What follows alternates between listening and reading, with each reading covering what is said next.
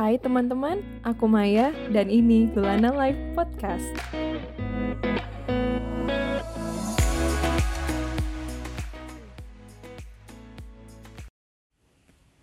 Hai, welcome di Lulana Live Podcast 2022.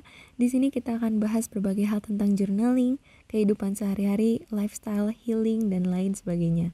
Dipandu oleh aku, Maya, coach dan content creator seputar journaling. Now let's just dive right in.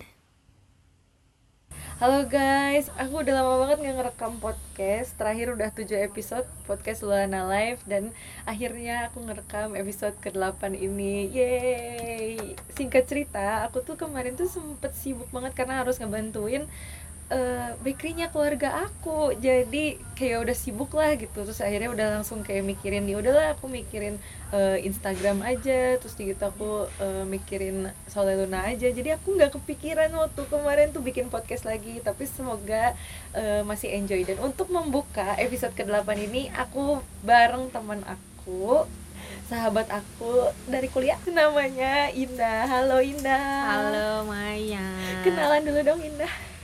Halo semuanya, aku Indah. Biasa dipanggil uh, Indah aja sih. Gak ada yang spesial juga anyway. Sibuk apa sibuk apa? Sekarang, hmm. sekarang sibuknya sebenarnya tetap jadi desainer ya aku. Jadi aku seorang desainer interior yang banyak sampingannya. Ada yang uh, di bidang fashion juga, terus ada di bidang kuliner sedikit-sedikit ada kuliner. Terus baru lagi ada yang ngediriin interior sendiri juga. Terus banyak ya. Terus ada lagi uh, sekarang baru memulai podcast gitu jadi gini guys uh, sebelum memulai podcast ini karena kita ketemunya di luar ya dah ya hmm. jadi di alam yang sejuk jadi teman-teman mungkin sambil bisa mendengar ada suara jangkrik suara angin dan suara, suara orang lain yang ya. lagi ngambil piring uh, jadi mohon maaf ya guys nanti akan dicoba di clean sebersih mungkin tapi semoga teman-teman jadi kerasa kayak lagi ngobrol bareng sama kita ya dah ya hmm. di podcast Luna Live episode ke-8 ini sebenarnya aku tuh collab sama Indah jadi dengerin juga episode aku jadi bintang tamu di podcastnya Indah nama podcastnya apa? Nama podcastnya itu Labirin dan Pintu Exit. Iya karena rame dan kalau di situ aku yang diwawancara.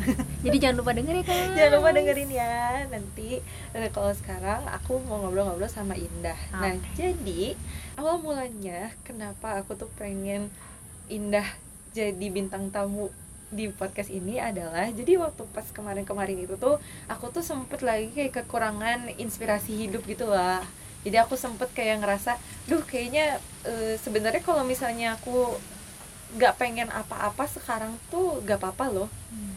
kayak aku tuh bener-bener kayak apa ya lagi kekurangan e, semangat gitu karena merasa kayaknya udah cukup gitu loh hidup. Terus ternyata karena merasa cukup malah jadi bingung abis ini mau ngapain? gitu kan. Nah terus waktu kemarin tuh sama Indah tuh kami tuh sempat bikin kayak mini bazar gitu kan. Nah waktu pas bikin mini bazar tuh aku tuh sempat nanya karena dia kayak semangat heboh banget kayak nyiapin ini nyiapin itu terus segala macem. Pokoknya tuh nih orang tuh emang dari dulu tuh kayak motivasinya tuh kayak nggak pernah luntur gitu. Kayak emang uh, kerja lagi kerja lagi kerja lagi gitu. Kayaknya anaknya tuh emang tekun banget gitu ya. Terus dia aku tuh nanya lu kok ambis terus sih gitu. Terus deh gitu uh, emang emang kamu hidup mau ngapain? Waktu itu aku nanya gimana sih? Waktu itu iya kayak kenapa sih nih kayak apa pun yang kamu lakuin tuh selalu kayak harus maksimal. Kayak apa pun kayak kalau kamu ngelakuin A jadi deh gitu. Kayak iya. tipenya tuh gitu kayak kayaknya bisa deh gitu tapi maksimal banget guys yang kayak orang tuh biasanya suka kayak ah udahlah segini aja. Nah kalau dia tuh enggak sampai titik darah penghabisan tuh dikejar gitu kan. Nah aku pengen uh, diceritain sedikit dong waktu itu jawaban kamu pas aku tanya itu apa ya? Uh, jadi pas pertanyaan Maya muncul sebenarnya kalau misalnya ditanya Indah kenapa sih kamu bikin kayak gini? Sejujurnya karena aku itu basicnya dulu ngelakuin hidup tuh cuman kayak ya udah aja. Pas awal ya maksudnya kalau tarik mundur dari aku dulu masuk kuliah atau bahkan SMA kayaknya pikiran aku tuh cuman oke okay, gue masuk kuliah udah masuk kuliah nanti kayaknya bakalan lulus bakalan nikah di umur yang muda terus punya anak ya udah happy life aja gitu. Pengennya kayak gitu tapi ternyata enggak gitu. Ternyata tuh perjalanan tidak semudah itu gitu. Ternyata banyak tantangan yang ditemuin. Nah kalau misalnya ditanya kenapa sih ndak kamu ngelakuin kok kayak maksimal banget? gitu di setiap setiap hal yang kamu uh, pengen gitu. Aku tuh baru sadar sesuatu. Ternyata passion itu datang pada saat kamu itu menjalankan. Jadi passion itu bukan datang sebelum kamu menjalankan. Kalau aku ngerasa gitu. Kalau kamu bilang gitu kamu kayaknya suka renang deh kayaknya gitu. Tapi kamu belum pernah nyelupin kaki kamu ke air kamu belum pernah ngerasain air itu dingin apa enggak. Kamu tuh nggak akan tahu. Jadi kayak menurut aku kayak bullshit lah kamu bilang passion itu sebelum. Justru ketika kamu ngejalanin baru kamu bisa menemukan passion itu. Nah kenapa alasan aku selalu bisa maksimal? Karena per, pernyataan pertamanya mungkin aku suka tertarik dulu. Tapi pas begitu dijalani oh ternyata ini nih gitu yang aku jalanin tuh passion baru aku bisa ngelakuin itu maksimal gitu hmm, jadi menurut kamu oke okay lah awal-awal orang tertarik sama sesuatu tapi passion itu datang setelah kamunya udah nyemplung aja ya mm udah ya. jalan dan kamu tahu oh ini kayak gini oh jadi tahu ada surprise surprise lain yang ditemuin pas lagi dijalanin gitu. Baru oh iya ya ini ya gitu ya. Bisa maksimal tuh ternyata happy ya seru gitu. Hmm. nah terus kayaknya waktu itu tuh aku sempat ada kayak follow up question gitu loh. Kayak hmm. apa ya? Apa yang kamu cari dalam hidup ya? Terus pokoknya kamu ngomongin soal legacy oh iya. ya. coba dong ceritain soal itu. Waktu itu gimana ya nanya? Jadi aku tuh uh, selalu ngebahas soal legacy kenapa ngebahas soal legacy? Jadi sebenarnya aku pun pernah dengar dari obrolan orang lain gitu pernah baca dan pernah dengar juga. Kalau misalnya legacy itu uh, ibaratnya kayak kamu meninggalkan sesuatu tuh meninggalkan apa sih? Kalau aku tuh selalu bilangnya legacy. Apa yang legacy dalam bentuk apa? Nggak selalu melulu dalam bentuk barang nggak selalu melulu dalam bentuk uh, harta gitu. Tapi apa yang mereka ingat tentang kita itu tuh sebuah legacy. Contoh misalnya aku ketemu sama salah satu orang aku tuh selalu ngelakuin semuanya dengan maksimal. Karena aku mau menjadi legacy di ingatannya mereka. Terlebih misalnya gini aku pernah ada menyakiti hati mereka aku pernah ada bikin mereka kecewa at least tuh ada satu momen yang lo inget dari gue bahwa gue tuh punya ingatan yang baik makanya kenapa gue selalu melakukan hal maksimal karena hal maksimal aja udah gue gue lakuin masih ada masih aja ada yang kepleset gitu. Mm -hmm. jadi ya inilah gue emang tipenya mau melakukan sesuatu dengan maksimal supaya legasinya itu adalah at least sedikitnya mah yang baik gitu. Ya gue memang bukan orang baik istilahnya gitu. Kayak gue bukan orang baik bukan orang yang wah gila jago banget apa apa nggak punya gitu gue nggak bisa apa apa tapi gue mau belajar dari hidup orang dan gue mau si legacy tuh yang ditinggalkan tuh ingatan sebenarnya. Hmm, lebih ke ingatan iya, iya. kayak kayak aku sama kamu nih Mai. Hmm. kita tuh pernah berantem gitu. Nggak nggak nggak nggak sekali dua kali sering banget gitu. Tapi apa sih yang Mai inget oh si Indah mah ini. Pernah gak sih lo lihat kayak McD gitu ya? Yang diingetnya oh huruf M warnanya kuning. Hmm. itu kan kayak ingetan gitu. Hmm, hmm.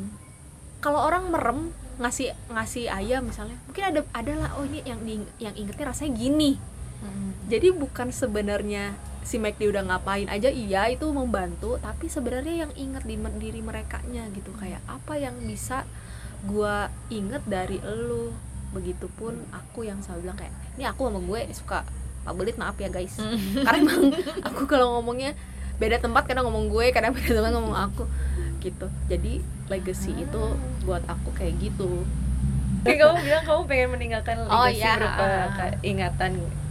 Yang baik di uh, orang gitu kan. Hmm. nah apa yang bikin si ingatan baik di orang itu tuh jadi penting gitu buat di hidup kamu? Hmm. jadi gini gimana ya ceritanya? Ada salah satu orang yang dulu tuh bisa berantem banget sama aku. Nggak perlu disebut siapa.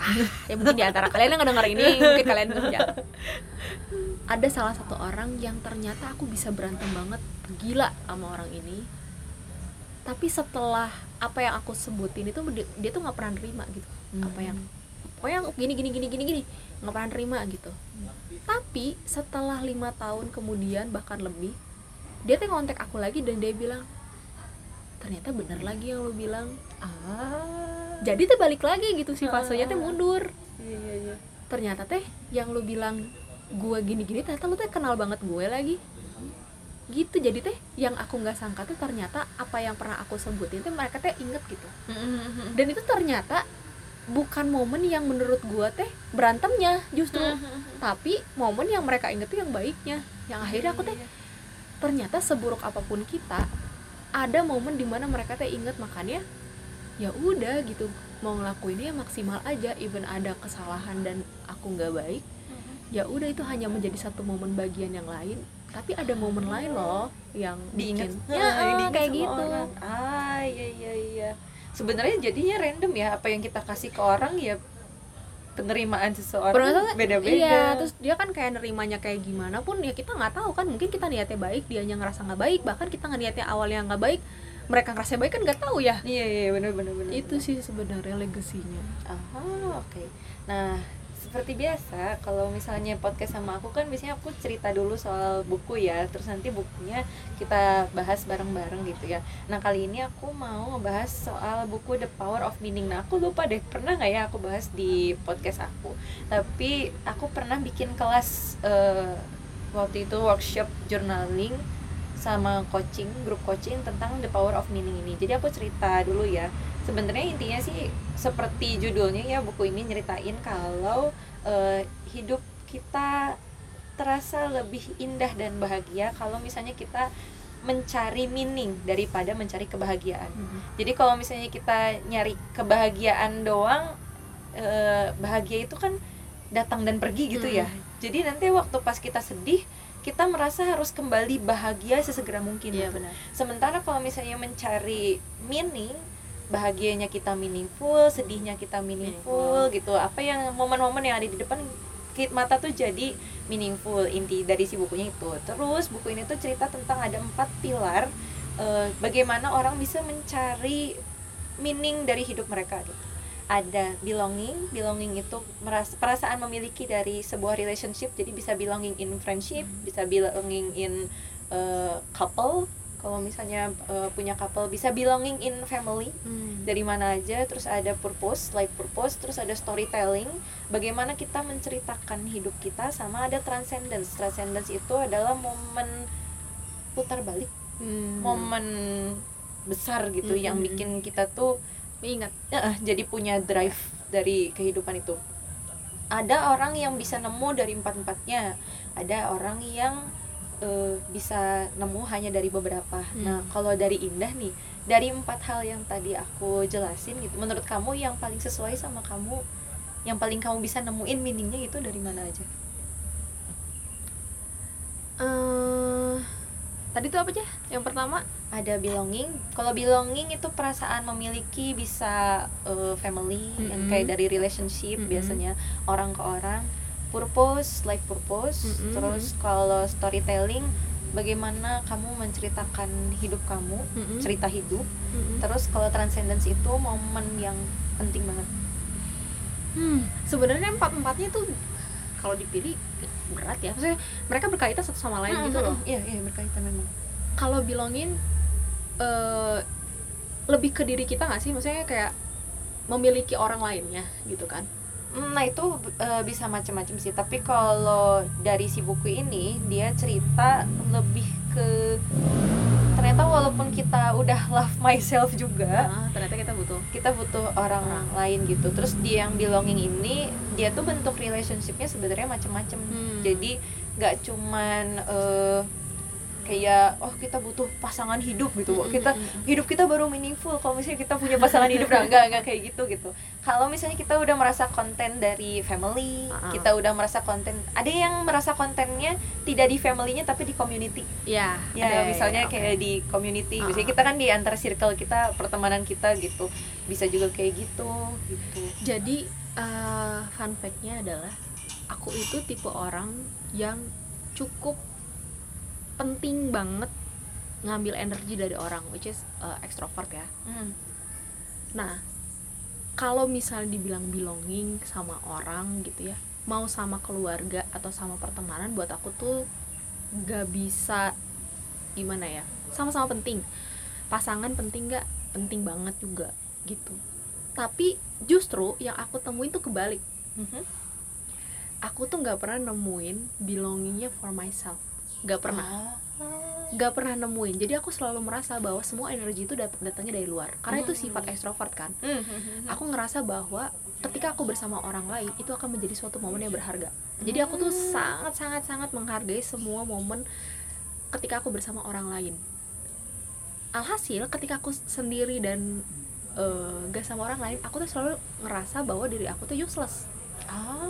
justru jadi ketakutan terbesar aku salah satunya adalah gue tidak berguna Ah. ketakutan aku tuh ada dua yang satu tidak berguna lagi yang kedua lupa Hmm. ingatan sendiri Hmm. gue makin menua dan gue lupa Ah, iya, itu dua yang paling aku takutin Mhm.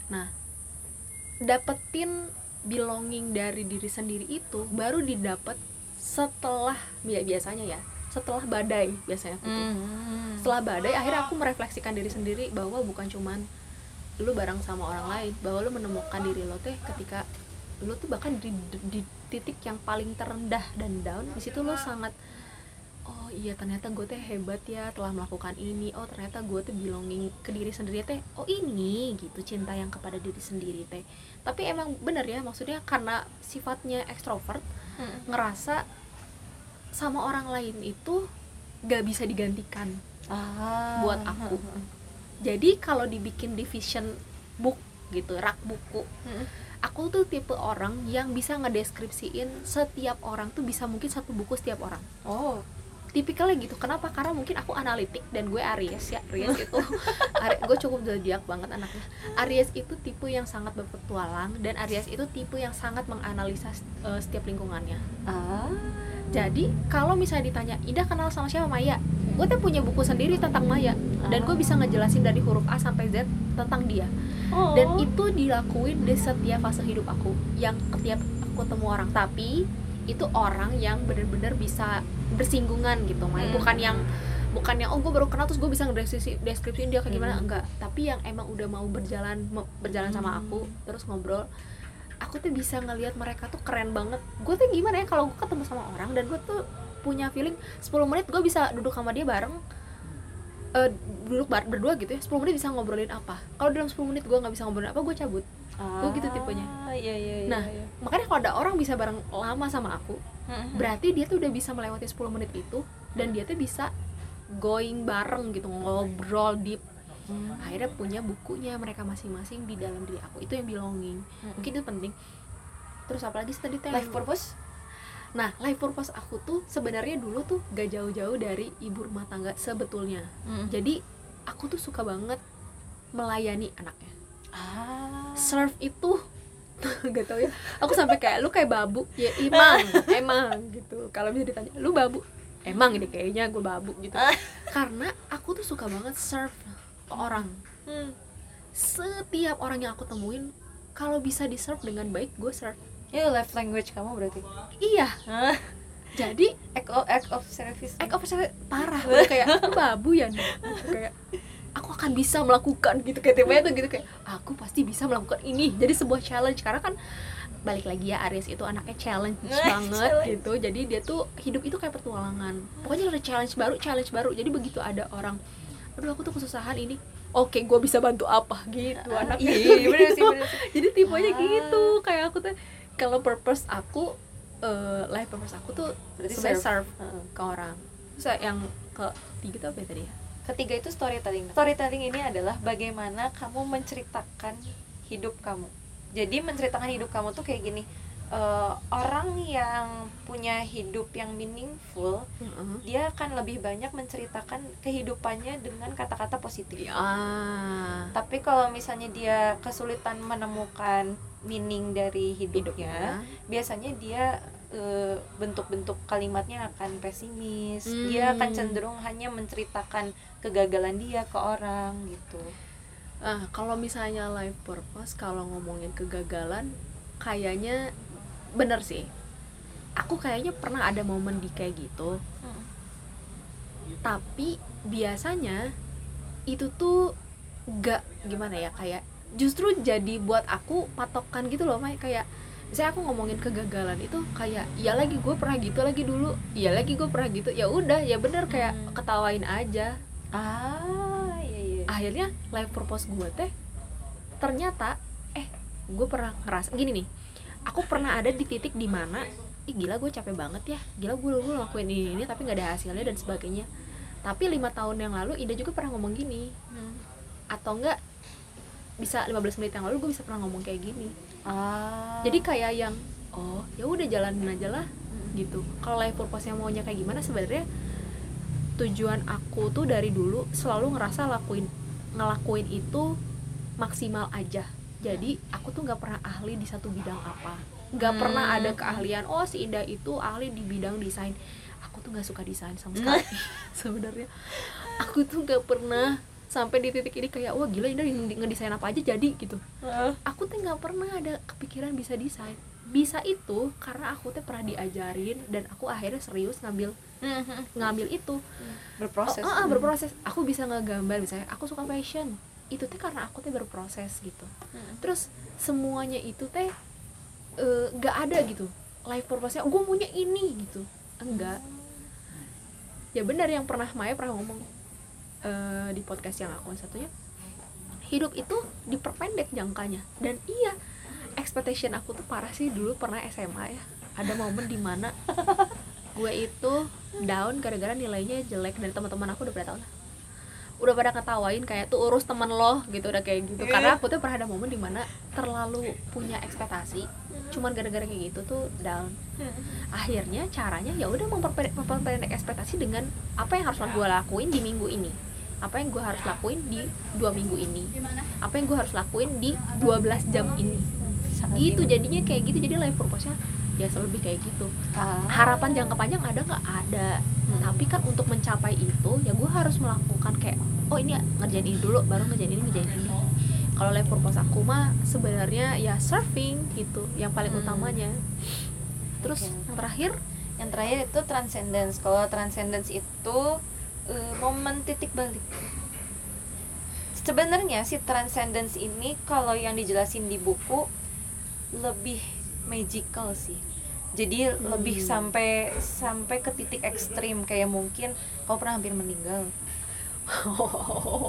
Kamu pernah hampir meninggal terus kamu teh dapat kesempatan kedua gitu ya dari dari Allah gitu dari Tuhan Ah, gitu ya. atau enggak eh, momen yang eh, apa ya biasanya kalau orang mungkin kayak momen umroh. Oh jadi dia Momen kayak yang- menemukan sesuatu yang Iya, wow gitu. jadi kayak sesuatu yang menggugah sampai ke spiritual kamu gitu. kamu ada nggak momen yang kayak gitu di hidup kamu? Biasanya eh, momen yang datang itu ketika sesuatu nggak bisa aku capai. Ketika Mhm. semuanya itu ternyata nggak misalnya gini aku tuh tipe yang cukup meyakini dengan diri aku jadi aku tuh tipe yang kalau aku mau kalau bisa eh, harus kecapai Hmm. Nah, Hmm. ketika ada momen yang aku bilang jangan terlalu ketinggian mikirnya dan tidak sesuai dengan apa yang aku pikirkan, itu momen di mana aku tuh justru sangat sangat low banget di diri aku itu kayak yang wah gila ya, gue tuh udah ngelakuin maksimal nih gitu. Tapi Hmm. ternyata teh enggak lagi. Wah gue tuh pengennya ini nih yang dijadiin hidup gue tapi ternyata enggak lagi nah itu tuh justru momen-momen down pernah nggak ada momen kayak lu pengen bunuh diri wah banyak banyak banget tapi yang selalu ngebalikin lagi adalah gue ngeliat ke belakang diri gue kayak apakah ini yang gue harapin gitu apakah ini momen di mana eh, si indah tuh yang dulu tuh happy nggak sih dengan melihat seperti ini gitu atau apakah ada dampak dari orang sekeliling gue tuh sempat se- gini sih Maya ngerasa Mm-mm. tipe tipe aku tuh tipe yang kalau misalnya aku nggak berguna buat orang berarti selesai hidup gue ah iya iya iya bermanfaat itu sering sih kayaknya Iya. berman- eh, bermanfaat tuh salah satu life purpose yang kayaknya gede juga sih Uh-uh. ya, buat orang-orang. Gue tuh selalu banget ngerasa kayak gitu. Dan ada banyak fase di kehidupan aku ketika wah gue nggak ngerasa eh, lagi berguna dan orang kayaknya udah nggak butuh gue. Sometimes suka kayak overthinking banget sampai kayaknya eh, kayaknya keluarga gue kayaknya udah terlalu bisa stabil deh tanpa ada gue. Ngerti nggak Iya, sih? iya, iya, iya. jadi kayak apalah gunanya gue di sini? Bener, gitu. bener, bener, nah di situ biasanya sampai titik banget yang mikir kayak gue udahan aja gitu ya tapi akhirnya bangkit laginya di yang justru momen-momen down Yang kayak itu. gitu Ah, jadi kalau menurut Indah tuh momen transcendence itu adalah momen down tapi yang malah jadi titik balik. Iya, karena aku nggak pernah nemu itu dari eh karena aku selalu selalu ngerasa bareng sama orang itu kan apa ya sisi ekstrovert aku tuh penuh gitu tapi ternyata begitu dapet diri sendiri baru nemuin wah gila sespektu- spektakuler ini ya diri gue gitu Hmm. ternyata Iya, ada iya. ada sesuatu yang lebih gitu Oke. Nah, si buku ini tuh bilang ya Dah ya. Jadi Hmm. katanya tuh next levelnya kalau misalnya kita minimal kita udah menemukan ada pilar lah gitu Hmm. sampai akhirnya kita tuh udah tahu ya di mana kita mencari meaning kalau Indah kayaknya paling banyak dari perasaan relationship itu ya dari ya yang dari relationship itu. Nah, terus nah ada next levelnya ternyata Nda. oh apa nih Jadi katanya tuh si perasaan itu tuh bisa berkembang, eh, sorry, meaningful life itu tuh sebenarnya si pilar itu tuh bisa dikembangkan Hmm. sampai akhirnya kita teh bisa mendapatkan fully meaningful gitu. Jadi kita Hmm. teh benar-benar punya hidup yang benar-benar meaning gitu. Mm-mm. Adalah dengan si eh, purpose tadi itu kita laksanakan. Hmm. Jadi kayak kita benar-benar hidup akhirnya sesuai dengan sama meaning, tujuan ya meaning dan tujuan, dan tujuan. gitu. Dan akhirnya tuh eh, tercapailah gitu si meaningful life itu. Karena momen karena kita udah tahu oke meaning kita dapetnya dari sini. Dan momen-momen yang kita lanjutkan ke depannya tuh semua pasti tentang meaning gitu kan. Momen-momen ke depannya tuh. Nah terus eh, nah jadi gimana cara kamu mengembangkan si meaning-meaning itu supaya tercermin ke kehidupan kamu ke depannya Hmm. meaning maksudnya dari Mm. kehidupan aku Mm, kan tadi kamu bilang yang bikin meaningful itu eh, misalnya yang tadi perasaan belonging yang ke orang Mm-mm. terus kamu pengen bermanfaat gitu Mm-mm. terus di itu eh, kamu bilang juga eh, titik down kamu tuh yang bikin kamu tuh selalu eh, bangkit lagi Mm. terus kamu bilang kalau yang storytelling tuh kalau nggak salah tadi eh, cerita hidup kamu tuh berulang gitu jadi Mm-mm. dulu kejadi kamu ngomong Pernah gitu ngomong pernah gitu. ngomong gitu pernah ngomong kayak gitu gitu nah kamu kan udah ketemu nih si eh, hal-hal yang Hal-hal. meaningful di hidup kamu itu nah supaya kamu bisa meaningful ke depannya itu harus tercerminkan kayak Mm-mm. bermanfaat gitu Mm-mm. ya gimana caranya kamu bermanfaat Nah, kalau misalnya buat eh, akhirnya yang aku dapat adalah sebenarnya dapat sesuatu yang meaningful itu ketika ya ngelak baik lagi ngelakuin sesuatu tuh dengan maksimal. Ah. Justru lo bakalan dapat oh ini meaningnya ketika lo melakukan sesuatu dengan maksimal. Karena kalau kamu nggak ngecobain sesuatu secara deep gitu ya Mhm. kamu tuh cuman tahu tuh setengah gitu. Ah. Akhirnya tuh kamu tuh belum tahu bener-bener kayak kita mau tahu seseorang. Kamu pengen tahu nih misalnya orang ini tuh kayak gimana. Tapi kamu cuman tahu dari sosial media aja. Ah, kamu nggak ketemu dia kamu nggak jalan-jalan sama dia kamu nggak deep talk sama dia. Jadinya nggak ada dapat meaning. Apa sih yang dia pikirin? Apa sih yang terjadi di hidup dia gitu? Nah itu. Makanya salah satu caranya ngelakuin dengan sungguh-sungguh Mhm. dan benar-benar lewat apa yang benar-benar kamu yakinin. Misalnya aku percaya banget sama desain. Mm-mm. aku tuh baru percaya desain itu ketika aku belajar. Hmm. belajarnya itu bukan di kampus gitu tapi di dunia pekerjaan. Nah ketika di dunia pekerjaan aku akhirnya tahu oh ternyata gue punya kemampuan ya. Oh ternyata gue tuh bisa melakukan ini. Kerjain sungguh-sungguh ternyata sampai akhir aku eh, selesai kerja Mhm. baru tahu ternyata di luaran sana ada orang yang gak dapat kesempatan sama kayak aku untuk bisa bekerja dengan orang. Nah akhirnya aku dapetin tuh meaningnya. Ah oh itu gitu. Ya ya, ya. kayak gitulah salah satu contohnya yang buat aku sungguh-sungguh tuh lo bisa dapetin sesuatu di depan jadi lo nggak perlu lagi untuk mengulang lagi tapi lo Mm. melanjutkan gitu Hmm, oke oke oke. Nah, selain eh, berkembangnya empat pilar tadi, si bukunya juga tuh bilang ada satu lagi. Jadi eh, si bukunya tuh cerita gitu ya, ada di sebuah panti jompo gitu. Kalau panti jompo tuh kan ya, ya isinya orang-orang semua udah kayak tua semua gitu kan gitu. Terus dari gitu tuh ada penelitian gitu. Jadi ada sekelompok eh, lansia di panti itu yang diminta buat mengurus tanaman Mm-mm. dan setelah lagi tuh enggak gitu Mm. ternyata orang-orang yang disuruh mengurus tanaman ini kayak baik secara mood kualitas kehidupan mereka di panti itu tuh berubah jauh lebih baik jadi ini tuh penelitian itu menunjukkan yang kata kamu tadi Mm.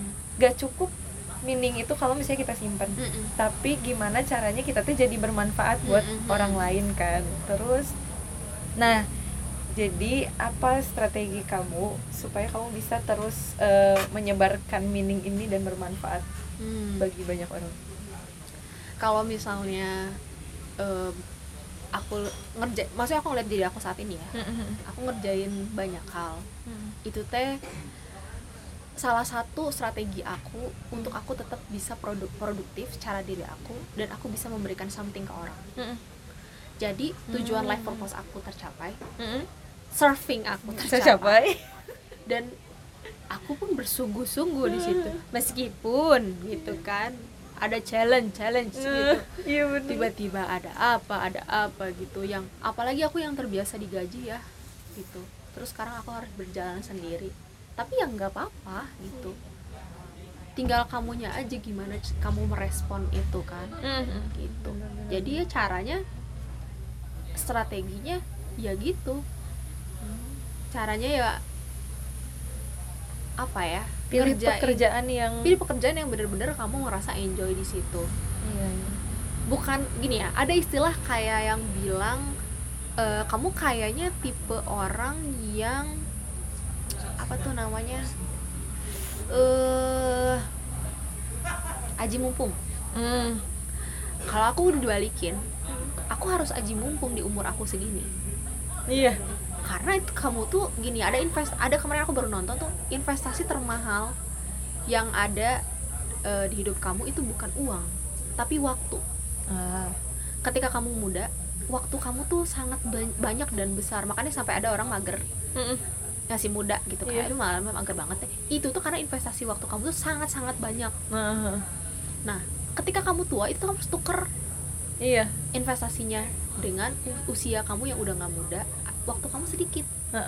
Iya waktu Gitu. jadi jadi kalau aku bilang aku mau aji mumpung dengan pekerjaan yang aku sekarang jalanin harus gitu. Iya karena nggak akan pernah ada orang yang satupun yang menjamin hidup aku di masa depan seperti apa. Apalagi aku tuh sudah tidak bekerja di perusahaan dan tidak ada yang menjamin aku. Jadi harus punya sesuatu yang meaningful which is yang aku kerjain saat ini sangat meaningful karena mengikuti apa yang aku mau. Strateginya juga harus bisa dilakukan secara sungguh-sungguh supaya aku bisa dapat pintu exit aku kayak oke gue di situ gue ngejalanin. Dan tapi semuanya itu nggak akan pernah kamu tahu sebelum kamu teh nyoba. Iya benar. Jadi ya cobain aja. Cobain aja. Gitu. Guys. Iya. Ya apalah arti ini ya. Kadang kan kita suka kayak eh, mengorbankan meaning mengorbankan life purpose kita Mm-mm. tapi misalnya demi menjalankan life purpose orang misal Hmm, gitu ya, banyak Eh, banget banyak ya banget. mungkin ada orang yang life purpose-nya uang gak apa-apa. Nggak apa-apa. Terus ada orang yang life purpose-nya kestabilan jadi Nggak mereka harus juga. kerja 9 to 5 ya nggak apa-apa juga gitu. Tapi selama kalau misalnya itu bukan life purpose kamu yang ngapain dijalanin ya bener dan tambahan lagi Mai sorry. Selain life purpose aku tuh service Mm-mm. aku baru ingat kenapa aku bisa memutuskan untuk berhenti bekerja karena aku harus menemukan life balance. Ah iya itu kayaknya aku cukup sering banget ngomong life balance gitu. Life balance-nya orang-orang itu beda ya. Ada yang mungkin lebih ke keluarga mungkin ada juga orang yang lebih ke bisnis aja. Nah buat aku tuh aku tipe tipikal orang yang di setiap apa pun harus punya life balance jadi aku harus sibuk sesibuk mungkin mm -hmm. tapi aku harus happy sehappy mungkin. Ah jadi kalau iya, iya. kalau misalnya di Instagram aku tuh ada ya ada insight bukan insight tapi sih? Yang bulat-bulat itu namanya apa? Highlight. Highlight. Nah the highlight aku tuh ada namanya goals. Hmm. goals aku tuh pasti isinya liburan jadi sebenarnya aku tuh mencari uang tuh gimmick. Jadi sebenarnya aku mencari uang itu untuk, untuk aku liburan kan, untuk libur untuk mengistirahat buat apa iya. kan? Sebenarnya tujuannya itu. Cuman tergantung gitu. Nanti kalau misalnya ada uangnya berapa nah nanti goalsnya carinya yang lebih kecil dulu. Nanti mungkin punya goals dan aku baru punya fun fact. Setiap aku punya uang itu ya uang aku itu nggak pernah buat aku sendiri. Jadi ah. kalau uang aku habis uh. itu tuh pasti buat serve ke orang. Ah, maksudnya kenapa? eh, karena aku tuh senang senang men menyenangkan orang lain. Aku baru dapat hadiah guys. Karena aku tuh suka banget gitu. Maksudnya bukan kayak berbentuk uang ya ngasih ke orangnya. Bahkan misalnya kayak ngasih ke siapa bikinin apa. Itu tuh buat aku tuh happy gitu. Aku sering banget kecipratan guys. Udah apa tuh kamu daujo it cek juga ya instagramnya. Oh ya daujo. boleh tuh daujo ya, supaya teman-teman mendapatkan oh ini meaningfulnya indah. Mungkin mungkin rasa tiramisu akan, ya hidupnya akan keciprat rasa-rasa tiramisu iya. gitu Yeay, kalau gitu uh, ini agak gantung sih sebenarnya okay. tapi sebenarnya pertanyaannya udah habis Indah mau nggak ngasih kayak kesimpulan sedikit tentang kesimpulan. meaningful life untuk Indah meaningful life buat aku itu titik di mana yang bakal bikin kekuatan baru jadi setiap apa pun yang bikin aku berarti di situ aku ngerasa happy di situ aku bisa nemuin titik oh ini my purpose life oh ini my meaningful life. Dan uh, apa ya buat aku it's okay untuk buat kamu-kamu yang lagi pada berat banget ngejalanin hidup untuk take a break sebentar. Dan lu lihat dulu sekitar ada apa nih baru jalan lagi. Dan gak apa-apa banget untuk mengenyampikan sedikit omongan orang hmm. ya, untuk ya, ya, untuk diri kamu ke depannya it's okay ketika timeline kamu berbeda dengan orang lain it's okay banget untuk kamu punya timeline kamu sendiri dan it's okay banget ketika kamu down dengan apa ya perkataan orang dan sebagainya untuk kamu punya ruang kamu sendiri sebelum kamu bisa membuka diri gitu hmm? jadi uh, apa ya obrolan aku sama Maya ini buat aku cukup bercermin sih hmm. sama diri aku oh ternyata gak selalu ya hidup itu melulu soal uh, apa ya namanya menyenangkan orang lain hmm. karena ternyata kamu tuh perlu lagi untuk menyenangkan diri kamu dulu. Ketika mm-hmm. kamu udah punya cinta yang sangat banyak sampai luber mm-hmm. kamu bisa sharing itu ke orang lain. Yang aku rasa aku kayaknya kebalik deh dari dulu. Justru aku selalu menyenangkan orang lain dulu sebelum aku menyenangkan diri aku. Kayaknya emang kamu paling besar dari belonging berarti iya. ya. Ternyata aku kayak gitu banget lagi. Aku tuh sampai istilahnya sempat ada pertanyaan dari temen aku.